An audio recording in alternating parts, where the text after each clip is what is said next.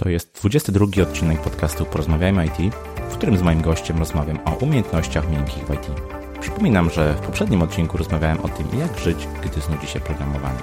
A może się znudzić, m.in. dlatego, że brakuje nam umiejętności miękkich. I o tym właśnie będzie w tym odcinku. Podziel się nim z jedną osobą, której może on pomóc. Niech dostanie coś wartościowego od Ciebie. Ja się nazywam Krzysztof Kępiński i życzę Ci miłego słuchania. Odpalamy. Cześć. Dzisiaj moim gościem jest osoba, która przez kilka lat była pracownikiem naukowym Wydziału Psychologii Kognitywnej SWPS w Warszawie. Angażuje się w różne projekty jako konsultant, programistka lub koordynator. Jej specjalnością jest wykonywanie od strony technicznej, merytorycznej, narzędzi badawczych oraz stron internetowych opartych o popularne rozwiązania do zarządzania treścią. Posiada ponad dziesięcioletnie doświadczenie dydaktyczne. Jakiś czas temu, pod wpływem swojej pasji do programowania, zmieniła kierunek kariery na pracę jako mentor w ośrodku kształcenia programistów. W Code Cool Poland jako psycholog i programista kształci ludzi z umiejętności miękkich i twardych. Moim waszym gościem jest Barbara Zarzecka. Cześć Basiu, bardzo się cieszę, że będziemy mieli okazję porozmawiać o y, bardzo ciekawym temacie, o którym za chwilę powiem i cieszę się, że przyjęłaś zaproszenie do podcastu.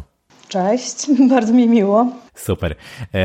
Pasia ma bardzo duże doświadczenie, e, jeżeli chodzi o e, nauczanie i tematy miękkie i to właśnie te e, aspekty dzisiaj poruszymy. Basiu, ja na, na, początku zaczynam od takiego wprowadzającego trochę pytania na rozluźnienie. Czy słuchasz podcastów? Jeśli jak, to jakich najczęściej? Bardzo rzadko, a jeżeli mi się zdarza, to zazwyczaj są to niezwiązane z moją branżą podcasty, raczej rozrywkowe, komediowe. E, mamy taki dział na popularnych e, kanałach, no i raczej tak słucham sobie w ramach szkolenia swojego języka. Hmm, pewnie.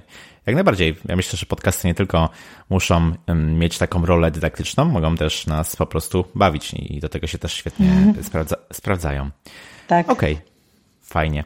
Dobrze, to porozmawiajmy o tych umiejętnościach miękkich. Jak ty definiujesz umiejętności miękkie? Co to jest? Jest to bardzo szerokie spektrum umiejętności i tak naprawdę ono tak zakrawa nie tylko o tak e, przez nas e, laicko rozumiane umiejętności jak komunikacja, e, ale też mocno związane są to umiejętności, które tak naprawdę są odpowiednim nastawieniem w głowie do pracy, do uczenia się i również do kwestii organizacyjnych tak, w naszej pracy. No właśnie, i mówi się o czymś takim jak umiejętności miękkie i umiejętności twarde. Czy to są przeciwieństwa według Ciebie, czy może jakieś, jakieś forma komplementarności, czy jakiś element pewnej całości? Tak, w mojej głowie właśnie zabrzmiało słowo komplementarność. To przede wszystkim jest e, bardzo e, mocne uzupełnienie e, swoich takich funkcji, tak? bez jednej e, strony, czyli soft skillowej, nie jesteśmy w stanie wykonać tak naprawdę tej hard skillowej, e, skillsowej, przepraszam. E, w każdym razie sytuacja wygląda w ten sposób, że możemy być najlepszymi technicznie osobami, ale bez tych umiejętności miękkich nie jesteśmy w stanie tak naprawdę ani przekazać, ani wytłumaczyć, w jakikolwiek sposób tak naprawdę wykorzystać tych umiejętności. Tak? To są takie rzeczy, które silnie ze sobą współpracują. Mm, bardzo ważny wątek, myślę, poruszyłaś. Będziemy go jeszcze trochę rozpracowywać tutaj dzisiaj. Mm, chciałbym Cię zapytać, po co w branży IT, która no, jest definiowana przez właśnie konkretne takie twarde umiejętności, konkretną wiedzę, po co w tej branży potrzeba kompetencji miękkich? Jak już wcześniej wspomniałam, jest to przede wszystkim kwestia e, jakby wykorzystania tych umiejętności twardych. E, te umiejętności miękkie w branży IT są potrzebne właśnie w tym, żeby współpracować z innymi osobami. Niestety, niestety jest to, branża IT jest ściśle taka teamowa, tak? E, natomiast przede wszystkim już wcześniej też o tym wspomniałam, jest to pewne um, nastawienie też do pracy, tak? Ten mindset tak zwany nasz, on też jest bardzo istotny i właśnie w dobie tak szybko e, rozwijających się technologii e, jest nam ciężko przyswoić to wszystko naraz i mieć to jakby cały czas ugruntowane, bo to, to cały czas się zmienia, tak? E, w związku z tym umiejętność uczenia się nowych rzeczy też jest bardzo ważna i za chwilę, za miesiąc przyjdzie nowy klient i powie, że tak naprawdę chce zrobić e, projekt w innej technologii I ta gotowość do nauczenia się nowych rzeczy, ta, ta łatwość uczenia się nowych rzeczy też jest bardzo ważna właśnie w branży IT. A jakie mm, umiejętności miękkie są najbardziej potrzebne według Ciebie w pracy takiego, powiedziałbym, szeregowego programisty, testera, administratora? Co, co najbardziej z tego arsenału umiejętności miękkich, o których wspomniałaś, może mu się przydać na co dzień? No to na pewno jest obszar komunika- komunikacji, tak? To jest ta, ta bardzo ważna rzecz. E, ja znowu mówię, umiejętność szybkiego uczenia się, e, ale też bardzo ważna jest umiejętność e, organizacji sobie pracy, tak? Nasze mózgi nie są w stanie tak naprawdę pracować non-stop. Musimy uwzględniać właśnie wiele aspektów takich miękkich właśnie, jak zmęczenie, jak wydajność, tak? I tutaj wchodzi na przykład w rolę kwestia planowania, umiejętność planowania zadań, estymacja czasowa. To się może wydawać nie aż takie miękkie, ale znowu nie jest to też aż tak bardzo techniczne, tak? Więc to są te trzy rzeczy, które najważniejsze są, ale na przykład umiejętność zgłaszania problemów. To też jest e, coś, co powinniśmy my jako hard skillowcy bardzo dobrze mieć e, wyuczone. E, zresztą kwestia komunikacji problemów, komunikacji e, jakichś e, sytuacji trudnych, to też jest kolejna rzecz, która jest bardzo ważna. E, bardzo często to spowalnia w ogóle cały proces pracy, cały proces rozwoju projektu, więc bez tych właśnie umiejętności to dalej nie pójdzie. Całkiem e, sporą, długą listę wymieniłaś tych umiejętności I, i jak to o tym opowiadałaś, miałem wrażenie, że to nie jest tak, że to są jakieś takie wisienki na torcie, coś dodatkowego, bez czego się można obyć, tylko no, naprawdę potrzebne w każdym zespole, w każdej firmie umiejętności, bez których e, no, może sobie ona nie poradzić, albo projekt po prostu może się rozpaść. I w związku z tym pojawiło mi się pytanie, czy z takimi umiejętnościami się po prostu rodzimy w jakiś sposób, czy, czy też można je wytrenować? E, ja jestem zwolennikiem tak zwanej e, filozofii growth mindset, czyli takiego myślenia zorientowanego na proces, a nie na, na to, jak się, z jakimi predyspozycjami się rodzimy. I wychodzę z założenia, że po prostu możemy się wszystkiego nauczyć. I takich umiejętności uczymy u nas właśnie w naszym ośrodku. E, I przychodzą ludzie kompletnie z zewnętrznych branży, którzy nigdy nie mieli styczności z programowaniem i potrafią się nauczyć właśnie tych umiejętności i twardych, i miękkich. To jest po prostu kwestia nakładu pracy tak naprawdę. Fajnie, to, to dobrze, dobrze wiedzieć, że da się tego nauczyć, bo tak. myślę, że Dokładnie. Myślę, że nie jeden z nas, programistów, ma z tym e, realny problem i tak raczej wychodzi z założenia, że taki się urodziłem i nie można nic z tym zrobić. Dobrze, że e, próbujemy, spróbujemy tutaj właśnie obalić ten, ten mit? No przede wszystkim jest to nastawienie tak naprawdę na, na, to, na, na w ogóle proces e, uczenia się, proces w ogóle rozwoju. E, patrzymy właśnie na to jako proces. Jeżeli mamy jakieś porażki, to nie traktujemy tego jako do siebie, że to my jesteśmy gorsi, źli, głupi, niewystarczająco dobrze, żeby się czegoś nauczyć. Jest to po prostu pewien etap e, rozwoju, tak? Więc e, kwestia, to, to jest właśnie to też, czego się można nauczyć, też sposobu myślenia takiego otwartego. Ja mam wrażenie, może nawet nie mam wrażenia, tylko to, co obserwuję, to bardzo dynamicznie e, zmieniająca się branża IT, która mam wrażenie coraz bardziej e, przyspiesza. Wchodzi automatyzacja, obniża się też próg wejścia do tej branży. Jest potrzeba więcej kadry w IT i wszystko to mam wrażenie, że powoduje, że pracodawcy mm, zwracają coraz większą właśnie uwagę na umiejętności e, miękkie, że nie tylko te, te, te twarde rzeczy się liczą, ale coraz bardziej umiejętności miękkie. Mówi się nawet, że niedługo takimi właśnie zdolnościami będzie się w IT konkurowało na rynku e, pracy, tak, że będzie już na tyle dużo, powiedzmy, specjalistów E, z twardych rzeczy, że to tymi właśnie miękkimi umiejętnościami będzie można się jakoś tam wyróżnić. Czy według Ciebie pracodawcy i branża faktycznie są świadomi korzyści posiadania i znaczenia kompetencji miękkich w swoich zespołach? E, moim zdaniem jest to bardzo ważne i będzie to miało ogromny wpływ. Zresztą takie już są trendy zachodnie.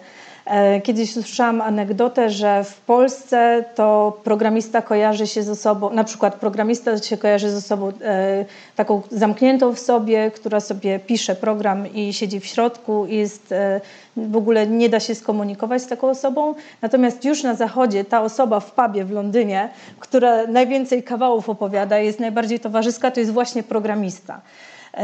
I się okazuje, że właśnie te takie umiejętności, te takie komunikacyjne, te relacyjne z ludźmi, one odgrywają bardzo ważny element, bo musimy pamiętać, że mamy IT, to jest jedna branża, ale ona jest e, bardzo, e, jakby w definicji IT mamy bardzo szerokie spektrum znowu. To jest multidyscyplinarne, tak naprawdę e, dyscyplinarna dziedzina. E, I musimy się tutaj skomunikować nie tylko z osobami technicznymi, ale musimy się skomunikować z działem e, marketingu, finansowym i w, w badawczym, e, od user experience na przykład. I to nie są osoby ściśle często techniczne. Więc będąc takim programistą, to w, nie mając tych miękkich umiejętności, nie jestem w stanie się tak naprawdę skomunikować z połową swojego zespołu na przykład, tak? E, więc tak, to będzie bardzo ważny element naszego, e, naszego takiego profilu zawodowego, który będzie bardzo ważny. Basiu, a na co dzień szkolisz przyszłych programistów właśnie między innymi z umiejętności miękkich. E, jak wynika z Twoich obserwacji? Czy wiele jest do zrobienia jeszcze w tym temacie w naszym kraju? I czego nauczyć się łatwiej? Programowania czy tych soft skills? A to jest zaskakujące, że, że bardzo trudno się trochę zmienić sobie w głowie niektóre rzeczy. Tak? Te soft skills mimo wszystko to jest trudn, trudna działka, e, dlatego że trzeba bardzo dużo zmienić nastawienie do samego siebie i do rozwoju samego siebie.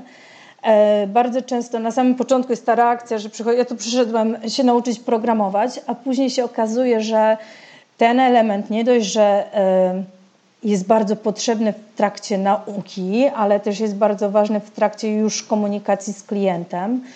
E, I tu się okazuje, że nagle nawet nasi klienci, którzy później, nasi studenci, e, absolwenci idą do naszych klientów, to nawet e, nie zwracają tak bardzo uwagi na te aspekty techniczne, bo ich można się nauczyć. Natomiast zwracają uwagę na to, że te umiejętności miękkie, to mimo wszystko to jest taka silna strona tych naszych studentów, że oni przychodzą do pracy i wiedzą, jak zabrać się do, do pracy, tak? wiedzą, jak zadać pytania, nie boją się pytać, e, zadawać pytań. Tak? To są e, takie rzeczy, które trenujemy u nas e, realnie na prawdziwych przykładach technologicznych. I powiem szczerze, że to jest ciężka praca, ale jeżeli już się człowiek tego nauczy, to naprawdę przynosi świetne efekty. E, chociażby na przykład umiejętność dawania konstruktywnej informacji zwrotnej, ale też i przyjmowania tej konstruktywnej informacji zwrotnej. To są naprawdę tak ważne rzeczy, ciężkie do nauczenia, ale jak już się człowiek nauczy, to bardzo to procentuje we współpracy i dalszej pracy. Myślę, że to, o czym powiedziałaś, nie tylko musi nam się przydać w pracy, ale ogólnie w życiu. To są takie umiejętności, które, które naprawdę warto y, posiadać, y, załatwiając chociażby jakąś sprawę w banku, w urzędzie, nie wiem, kontaktując się ze, ze, ze swoją rodziną, przyjaciółmi, prawda? To jest znacznie, znacznie szersza sprawa. O tak, ale jest to właśnie bardzo trudne, żeby też oddzielić, bo um, musi to przyjść naturalnie, bo jeżeli człowiek za bardzo tych techni te techniki stosuje też w prywatnym życiu, to jednak jest to odczuwalne przez inne osoby i można poczuć się lekko oszukanym. E, natomiast jeżeli wychodzi to naturalnie w komunikacji z ludźmi, to naprawdę też poprawia współpracę. Umiejętność, o której już wspomniałaś, a która mam wrażenie, że jest e, odmieniana przez wszystkie przypadki obecnie nie tylko w IT, to komunikacja. E, po co pracować nad komunikacją? Jak według Ciebie jej brak może upośledzać zespoły programistów, testerów, jak również relacje z klientami? chyba się znowu powtórzę. Komunikacja jest bardzo ważna. Na, w każdym aspekcie. Aktualizacja y, jakby e, postępu pracy jest bardzo ważna, wykonanie zadań jest ważne. Takie rzeczy e, nie przychodzą bardzo łatwo. Ludzie zajmują się swoim, często swoim zadaniem i na tym się sprawa kończy.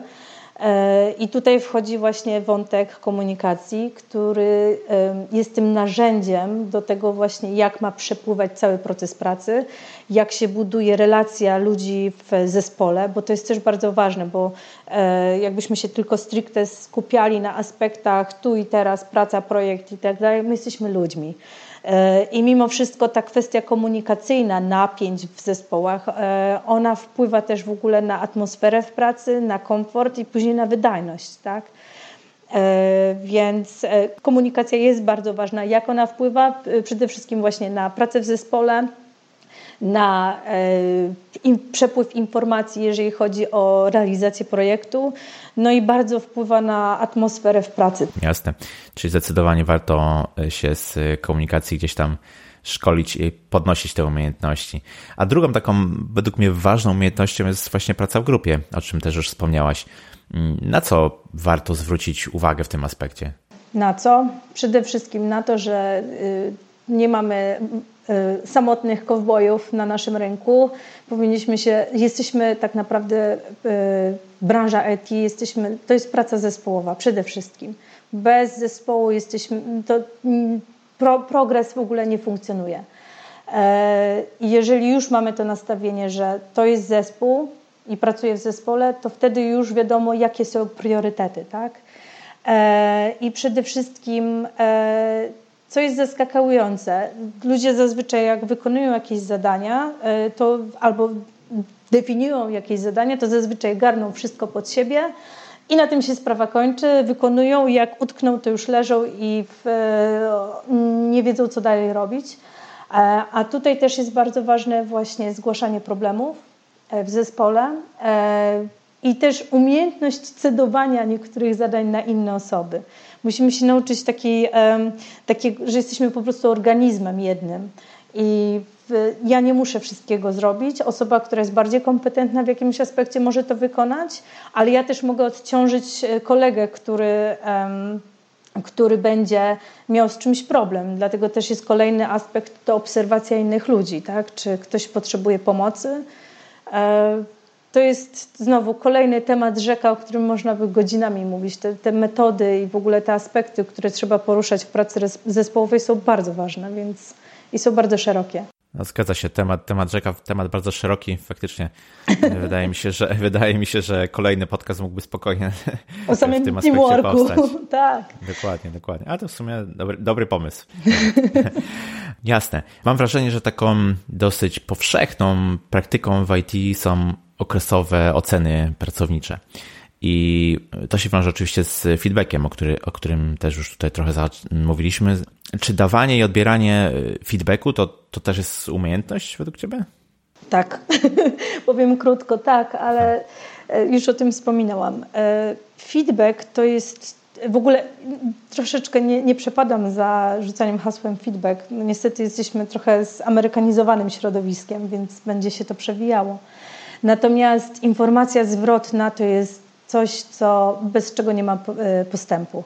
E, I mm, dwie strony muszą się bardzo mocno nastawić do tego, że to jest bardzo ważny element współpracy i bardzo ważny element e, postępu, jak już wcześniej powiedziałam. Ja zazwyczaj tłumaczę swoim studentom, że jest to dar. Traktujcie feedback, informację zwrotną jako dar, bo to jest informacja, na czym musicie pracować dalej, żeby się poprawić. E, ale też bardzo ważny jest pozytywny feedback, czyli ta informacja, co zrobiłem dobrze. E, zresztą mówi się o pewnych proporcjach e, informacji zwrotnej, że powinno być znacznie więcej tych pozytywnych. Też jestem zwolenniczką pozytywnego wzmocnienia.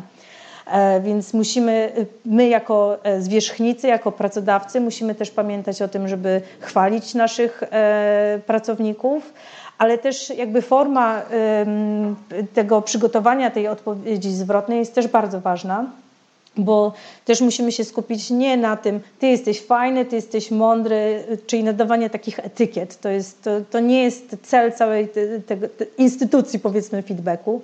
E, celem jest skupienie się na e, zachowaniu, na wykonywaniu zadań. Tak? Mówimy, tu zrobiłeś to świetnie, bardzo fajnie wykonane zadanie, tu nawet ta informacja, że e, coś się nie udało, to, to też ta forma i skupienie się na tym wykonawczo e, jest bardzo ważna. Na przykład bardzo ważne jest, jeżeli zauważymy, że ktoś nie udało mu się wykonać jakiegoś elementu zadania, to warto na przykład od razu podsunąć, wiesz, może skup się też na tym aspekcie, albo na tym, albo ja bym rozwiązał to w ten sposób, e, albo jeżeli będziesz pomo potrzebował pomocy następnym razem, to pamiętaj, że zawsze możesz przyjść, ja ci mogę pomóc wytłumaczyć. Więc to jest kolejny, kolejna warstwa, nad którą się bardzo ciężko pracuje. U nas uczymy tego od samego początku. E, umiejętności właśnie przekazywania informacji zwrotnej, e, ale też umiejętność przyjmowania informacji zwrotnej, która jest. E, nie, nie możemy się nastawiać jakby personalnie do, do tych informacji. To jest informacja, narzędzie do tego, żeby dalej się rozwijać, bo znowu jestem zwolenniczką takiego behawioralnego podejścia, że zachowania po prostu można zmienić. Dzisiaj mamy taki przegląd tych umiejętności miękkich. Mam wrażenie, że nie inaczej też jest y, z feedbackiem. Tak dotykamy go tylko troszeczkę, bo tak. na, na ten temat dokładnie można byłoby też kolejny podcast E, pewnie, e, pewnie nagrać, e, bo to nie tylko, tak jak wspomniałaś, jest kwestia dawania feedbacku, ale również jego odbioru, tego, tak. że powinniśmy, tak, tak jak mówiłaś, pozytywne rzeczy mówić publicznie, tak, a natomiast może te, te, te mniej, te nagany, czy jakieś rzeczy, które są problematyczne prywatnie, prawda? No, raczej bym, raczej bym odbiegała od nazywania czegoś jako naganą. Właśnie feedback nie może być naganą. To, nie, hmm. to jest Y, nawet y, mamy metody, często mówi się albo personalnie, że podchodzi się do kogoś i słuchaj, mam do ciebie taką informację, że zauważyłem to i to i to. E, ale też mówimy publicznie, ale też te negatywne rzeczy e, można też publicznie mówić. Zresztą w metodyce zwinnej mamy tak zwane retro, retrospektywę, w której analizujemy nasze błędy, co powinniśmy zaprzestać robić, tak? Więc jawnie się też mówi o takich rzeczach, bo właśnie to jest ten element, kolejna warstwa komunikacji. Niech wszyscy widzą, bo w ogóle sztuką jest też uczenia się z czyichś błędów, tak?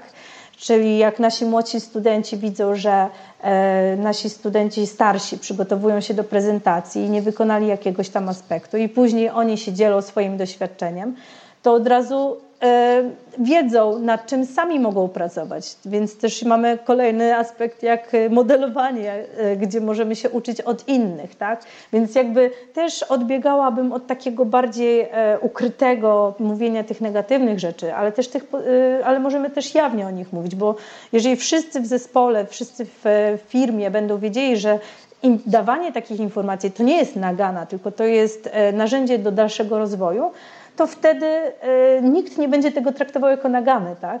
raczej jako coś negatywnego. To jest ten dar, który jest ważny nie tylko dla samej osoby, która otrzymuje ten feedback, ale też dla pozostałych w zespole. E, studenci nasi często na samym początku się zderzają z na przykład z problemem planowania na samym początku ignorują ten aspekt, on jest mało ważny, bo to tam sobie zapiszą, mają do wykonania zadania, zabierają się za e, realizację zadania, a tu się okazuje nagle, że to planowanie, jeżeli e, poświęciłoby się na to więcej czasu, no to siłą rzeczy byśmy mogli lepiej w ogóle oszacować czas wykonania zadań, rozdzielić nasze obowiązki między sobą, i, I znowu, e, oni sami otwarci przyznają, sobie dają też sami feedback odnośnie tego, e, że na tym polegli i nikt nie traktuje tego w sposób, że to jest coś negatywnego i powinniśmy się ukrywać z tym. Raczej e, młodsze grupy wtedy słyszą, o, trzeba zwrócić uwagę na planowanie, że to jest jednak ważne, tak? Pewnie, pewnie. Dzięki za fajny przykład i su super nam się tutaj ta komunikacja spięła z feedbackiem. Tak. A taką, taką Kolejną ważną umiejętnością miękką, jeśli chcemy mm, piąć się po szczeblach kariery i mieć e, wpływ na, na projekt, na inne osoby w firmie, e, jest umiejętność prezentacji. E, domyślam się, że wiedza z zakresu obsługi PowerPointa nie jest wystarczająca, jeżeli chodzi o tę umiejętność, prawda? Oj, to jest rzecz, którą bardzo trenujemy u nas, praktycznie co tydzień, kończący tydzień pracy u nas studentów. E, ja nie ukrywam, że mam dosyć spore doświadczenie z, swoich poprzednich lat e, zawodowych Jest to bardzo ważne, bo znowu, jeżeli nieumiejętnie przekażemy naszym widzom, słuchaczom, klientom, jak wyglądał nasz projekt, jak on został zrealizowany. W ogóle, jeżeli oddajemy jakiś projekt i nie jesteśmy w stanie go odpowiednio zaprezentować, no to choćby to był najlepszy projekt świata, to on nie zostanie kupiony. E, I trenujemy to, umiejętność, e, tutaj znowu wchodzę w klimat e, komunikacji, ale też emisja głosu jest ważna, postawa, odpowiedni kontakt z publicznością, to są bardzo ważne rzeczy. I tutaj trzeba też umiejętność od strony tej takiej zawartości też prezentacji też jest bardzo istotna. Część bowiem e, ważne jest to, żeby też tak opowiadać o technicznych rzeczach w sposób zrozumiały dla wszystkich. E, na czym jeszcze pracujemy, jeżeli chodzi o wizualny aspekt? No nie ograniczamy się do PowerPointa, mamy masę innych narzędzi, e, ale też to w jaki sposób, co się wyświetla na naszym ekranie, co, w jaki sposób jest ułożony tekst, jakby ilość tego tekstu też jest bardzo istotna. Tu już właśnie znowu nachodzą na siebie też techniczne rzeczy, aspekty tak naprawdę, ale znowu bez tych umiejętności miękkich to by wszystko poległo. Mam wrażenie, że dzisiaj poruszamy same ważne tematy i jakbym miał tak do tej pory podsumować tą naszą rozmowę, żeby wybrać tylko kilka punktów, naprawdę nie wiedziałbym na co się zdecydować. Ale to dobrze, dobrze, bo myślę, że to się może przydać e, naszym słuchaczom. No właśnie, tego podcastu słuchają często młodzi programiści albo też osoby, które dopiero myślą o takiej karierze i e, powszechną wadą, to może złe słowo, ale taką przywarą, e, zwłaszcza młodych, mm, stażem programistów jest myślenie o projekcie tylko przez pryzmat technologii, kodu, frameworka, biblioteki, prawda? E, czyli nie ma gdzieś tutaj tej perspektywy biznesowej, całościowej. Czy według Ciebie to jest pewna umiejętność, którą możemy nabyć, nabyć czy też jakiś element, nie wiem, wrodzony, y, który po prostu w nas, nas jest. Znowu odnoszę wrażenie, że jest to pytanie retoryczne. E, jeżeli chodzi o umiejętność, jest to umiejętność. Myślenie analityczne odnośnie własnego projektu jest bardzo ważne.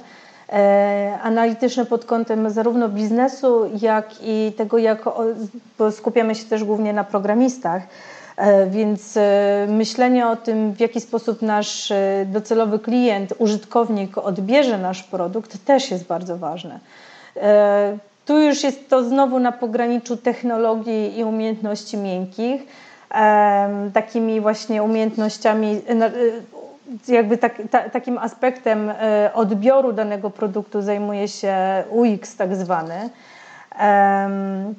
no, znowu, jest to temat interdyscyplinarny i zarówno ten soft skillowy aspekt jest bardzo ważny i nie możemy się skupiać tylko jakich bibliotek użyjemy do naszego projektu, ale, ale też w jaki sposób zostanie to odebrane przez e, e naszego e, klienta, odbiorcę, w ogóle użytkownika.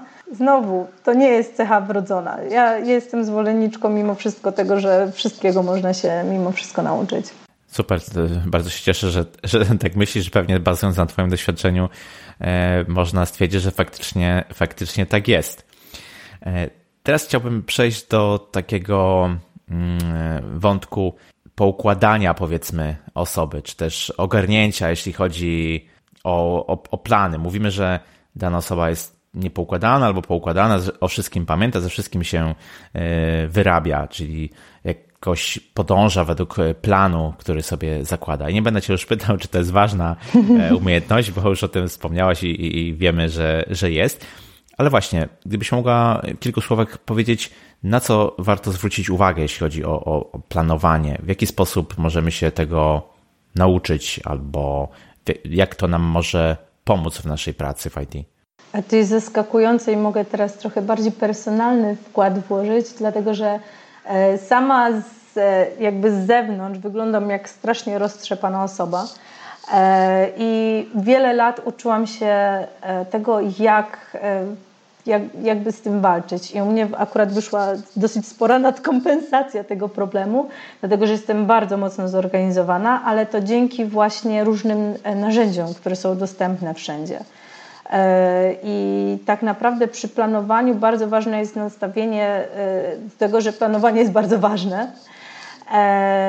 Musimy uwzględniać aspekty zarówno globalne, takie, jaki efekt chcemy osiągnąć, ale też e, bardzo ważne jest e, oszacowanie czasowe poszczególnych zadań, e, rozbicie większych wątków na mniejsze zadania, zależność między poszczególnymi zadaniami. One są bardzo ważne.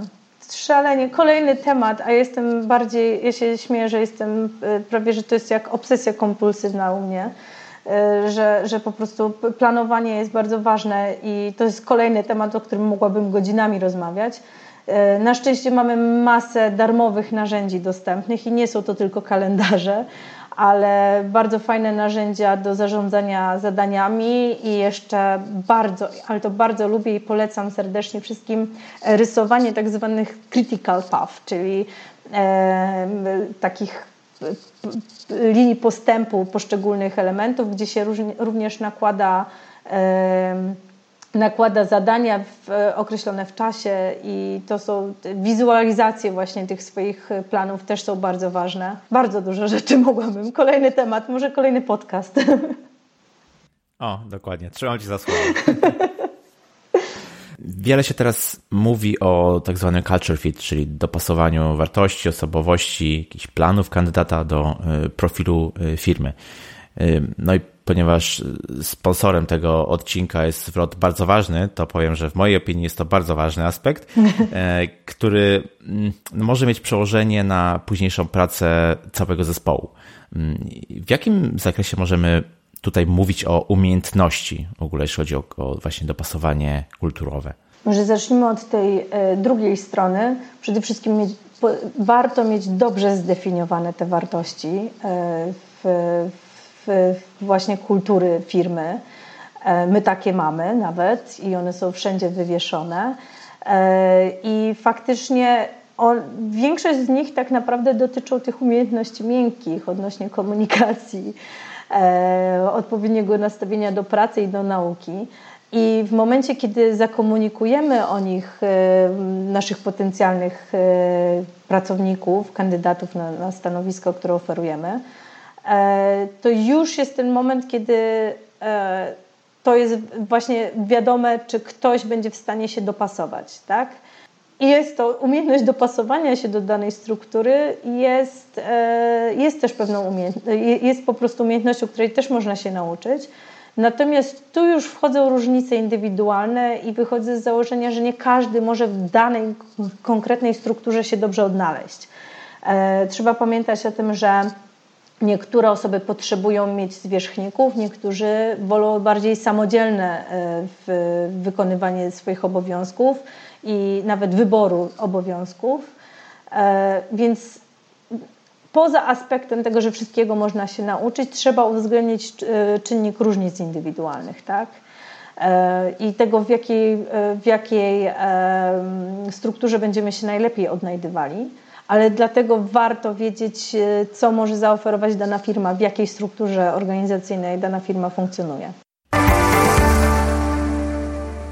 Ja kiedyś na swoim blogu napisałem taki wpis o umiejętnościach, które w mojej opinii powinien posiadać e, junior developer technologii Ruby on Rails, w której się e, specjalizuje i dużą część tego wpisu poświęciłem, poświęciłem właśnie umiejętnościom miękkim.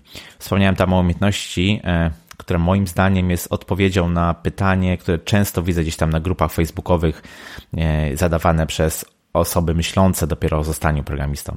Chodzi mi o takie pytanie, od jakiego języka zacząć naukę? Mm, według mnie jest to język angielski. I teraz właśnie chciałem Cię zapytać jako, jako programistkę tak naprawdę, czy, czy, czy podzielasz to moje y, zdanie, że to właśnie język angielski jest taką umiejętnością, którą no, warto szlifować w dzisiejszych czasach? Ja bym, tak zgadzam się, ale dodałabym do tego po prostu zacząć. I e, jaki język to nie ma znaczenia, bo prawda jest taka, że jeżeli nauczysz się jednego języka, to kwestia nauczenia się kolejnego to jest, nie, nie stanowi żadnego problemu. E, u nas w, w szkole uczymy, zaczynamy od Pythona. E, natomiast ja osobiście zaczynam od PHP, więc jakby moment wyboru jest najczęściej pokierowany tym, co jest najłatwiej dla nas dostępne. Akurat w tamtych czasach dla mnie PHP było najbardziej dostępne. Ale ja bym jeszcze dodała do tego wszystkiego poza angielskim, e, który bez umiejętności czytania dokumentacji w języku angielskim to w ogóle nie, nie nauczymy się niczego. E, natomiast też właśnie jakby kontynuacją tego wątku jest e, społeczność. Szukać takiego języka, który właśnie jest otoczony dużą społecznością, dużym wsparciem i właśnie to, ten, ten aspekt angielskiego, jakby kontynuacją tego wątku angielskiego jest to, żeby szukać też takiego języka, w którym będzie duża społeczność. A jak już dobrze wiemy, wszyscy komunikujemy się w języku angielskim, więc tak, angielski, tylko z kontynuacją, że przy szukaniu dobrej, języka ze dobrą społecznością i po prostu zacząć programować. Dokładnie, dzięki za, za tą odpowiedź. Ja mam wrażenie, że często, zwłaszcza ci młodzi programiści, tak bardzo utożsamiają się z tym wyborem pierwszego języka, że wydaje mi się, że to będzie coś, z czym będą związani już do końca życia. Ja, tymczasem ja na przykład przeszedłem przez kilka języków, których e, w większości już teraz nie, nie praktykuję i, i patrząc z perspektywy czasu, to faktycznie nie miało za bardzo znaczenia, jaki był ten, jaki był ten pierwszy. Bardziej chodzi o to, żeby e, zrozumieć zasady i tak jak powiedziałaś, no później to już trochę jest z górki, że te języki i tak w jakiś tam sposób są do siebie podobne, więc przeskoczenie w cudzysłowie na, na, na inny język to, to już jest jakaś tam e, formalność. No moim zdaniem jest tak, że jeżeli, bo ja tam już dalej kontynuowałam z, z JavaScriptem i z innymi, jego frameworkami i tak dalej, i tak dalej, ale um, jakby korzystanie z tych różnych języków, roz, w ogóle próbowanie różnych języków programowania też daje to takie bardziej spojrzenie z wielowymiarowej perspektywy, bo każdy język ma swoje negatywy i pozytywy i jak zna się ich kilka, to wiadomo co kiedy użyć, zwłaszcza jeżeli się jest full stackiem, to e, to, to jest też właśnie, trzeba wiedzieć później z czego skorzystać, tak? Właśnie, weszliśmy trochę w temat e, uczenia się. E, zdolność szybkiego przyswajania nowej wiedzy, dzielenia się nią jest, jest niezwykle istotna. Czy według Ciebie Umiejętność uczenia się i nauczania innych ma znaczenie? Tak. Zaskoczę cię, tak. To już jak na samym początku powiedziałam, nastawienie się do nauki jako procesu ma bardzo duże znaczenie. Tę umiejętność również można e, nabyć. E, w psychologii jest taka dziedzina, która się nazywa learning to learn, gdzie uczymy się, jak się uczyć. E, I tak naprawdę, to, jeżeli człowiek zmieni takie nastawienie, że to jest, to jest tylko kwestia pracy, nakładu pracy, jaki włożymy, to możemy się nauczyć wszystkiego. I ja zresztą tak zaczęłam się uczyć programować, bo kiedyś mój wykładowca chciał napisać jakiś program, i powiedział, że się nie da. Ja mówię, jak się nie da, jak się da? A powiedziałam to, nie znając w ogóle e, żadnego języka programowania. Po prostu wiedziałam, że to jest kwestia, nie wiem, to się nauczę. I tyle. Mm, dosyć ambitnie, ale to, to faktycznie jest według mnie kwestia takiego mindsetu i e, podejścia, bo w, no, w dzisiejszych czasach dostępności wiedzy naprawdę e, zwalanie właśnie winy na, na, na, na niewiedzę, to, to wręcz już się mija trochę z rzeczywistością. Prawie wszystkiego można się z internetu dowiedzieć, z mediów społecznościowych. Ta wiedza jest naprawdę podana e, na talerzu, także to wszystko zależy tylko od naszego nastawienia, czy będziemy z tego korzystać, czy też nie. Tak. Dokładnie. Trochę już powiedzieliśmy tutaj o różnych umiejętnościach, czy właściwie dotknęliśmy, powiedzmy, tego tych niektórych umiejętności. Natomiast jakiś, jakiś tam krajobraz już pokazaliśmy. Mm, czy są jeszcze jakieś istotne rzeczy z zakresu soft skills, o których dzisiaj nie wspomnieliśmy? Ja już w pewnym sensie poruszałam ten temat e, odnośnie podejścia do informacji zwrotnej, ale e, umiejętność nastawienia się do siebie, jakby, że, jakby do procesu, tak? jest też ważne. To jest bardzo ciężkie do zdefiniowania. Na to się mówi e, self-awareness, tak? czyli ta, ta jakby wrażliwość na e, potrzebę ciągłego rozwoju i poprawy. Tak? To jest coś, co o czym się bardzo rzadko wspomina, ale mimo wszystko jest bardzo ważne też. To jest bardzo fajna rzecz, którą powiedziałaś. Mhm. Wspomniałaś gdzieś tam na początku naszej rozmowy, że da się tych rzeczy nauczyć, że to można tym pracować, można to trenować. Mm, czy możesz nam powiedzieć właśnie w jaki sposób się tych miękkich umiejętności można nauczyć? Przez praktykę. Przede wszystkim przez praktykę akurat u nas studenci mają fantastyczny komfort tego, że mogą praktykować te umiejętności od razu na projektach, od początku, jak tylko rozpoczynają u nas kurs. Mm, bardzo dużo warto czytać o tym i trzeba właśnie się nastawić, że, e, że, że, że, że, coś tak, że jest taka potrzeba, tak? Czyli tak samo jak w IT, po prostu trzeba w, w praktyce te rzeczy stosować i wtedy uczymy się najlepiej i pewnie tak. jak najszybciej stosować to w praktyce. Tak, tak. Mhm. Okej. Okay. Gdy robiłem research do, do mm, naszej rozmowy, zauważyłem, że w zależności od tego, czy jest to programista, CTO, szef, może osoba z działu HR, to inaczej definiuje się listę umiejętności miękkich, które uważane są za istotne lub w innej kolejności one występują. E, czy według Ciebie tak faktycznie jest, że lista umiejętności miękkich w zależności od roli czy stanowiska się zmienia? I tak nie. Bo są pewne uniwersalne aspekty, które są bardzo ważne, ale też są niektóre obszary, na których musimy się bardziej skupić, tak? Jako kierownik muszę właśnie pracować nad kwestiami e, przekazywania informacji, ale też cedowania obowiązków e, itd. Tak itd. Tak jako współpracownik muszę się skupiać na komunikacji, e, jeżeli chodzi o aspekty takie mniej tak globalnego poziomu, jak na przykład kierownik. Tak? Natomiast no, one są to rozróżnienie jest y, też kwestią perspektywy i charakterystyki danej firmy, tak naprawdę. Mhm. Okej. Okay. Najczęstsza droga rozwoju zawodowego w IT to najpierw wieloletnie szlifowanie warsztatu, czyli tych umiejętności twardych, by w końcu zauważyć właśnie te braki w umiejętnościach miękkich. Tak to, tak to często występuje. Ja to przynajmniej zauważam w swoim otoczeniu, że dopiero na którymś tam etapie rozwoju zawodowego doświadczamy czy zauważamy, że, że właśnie brakuje nam jakiejś kompetencji odbierania feedbacku, e, komunikacji i tak dalej. I zastanawiam się, czy tak zawsze musi być, czy nie można tych dwóch sfer rozwijać jakoś równolegle. E, nie wiem, co by się musiało według Ciebie zmienić, może po stronie pracodawcy, może systemu szkolnictwa, żebyśmy zauważyli taką poprawę? Ja jestem może idealistką, ale uważam, że od początku równolegle powinno e, się rozwijać dwie rzeczy. Akurat jestem mamą, więc e, bardzo ciężko nad tym pracuję. I właśnie tutaj wchodzi pewien wątek. To mimo wszystko nauczenie takiego myślenia i tych umiejętności miękkich i równolegle nauczenia aspektów technicznych wymaga sporych nakładów e, z osób z zewnątrz, tak?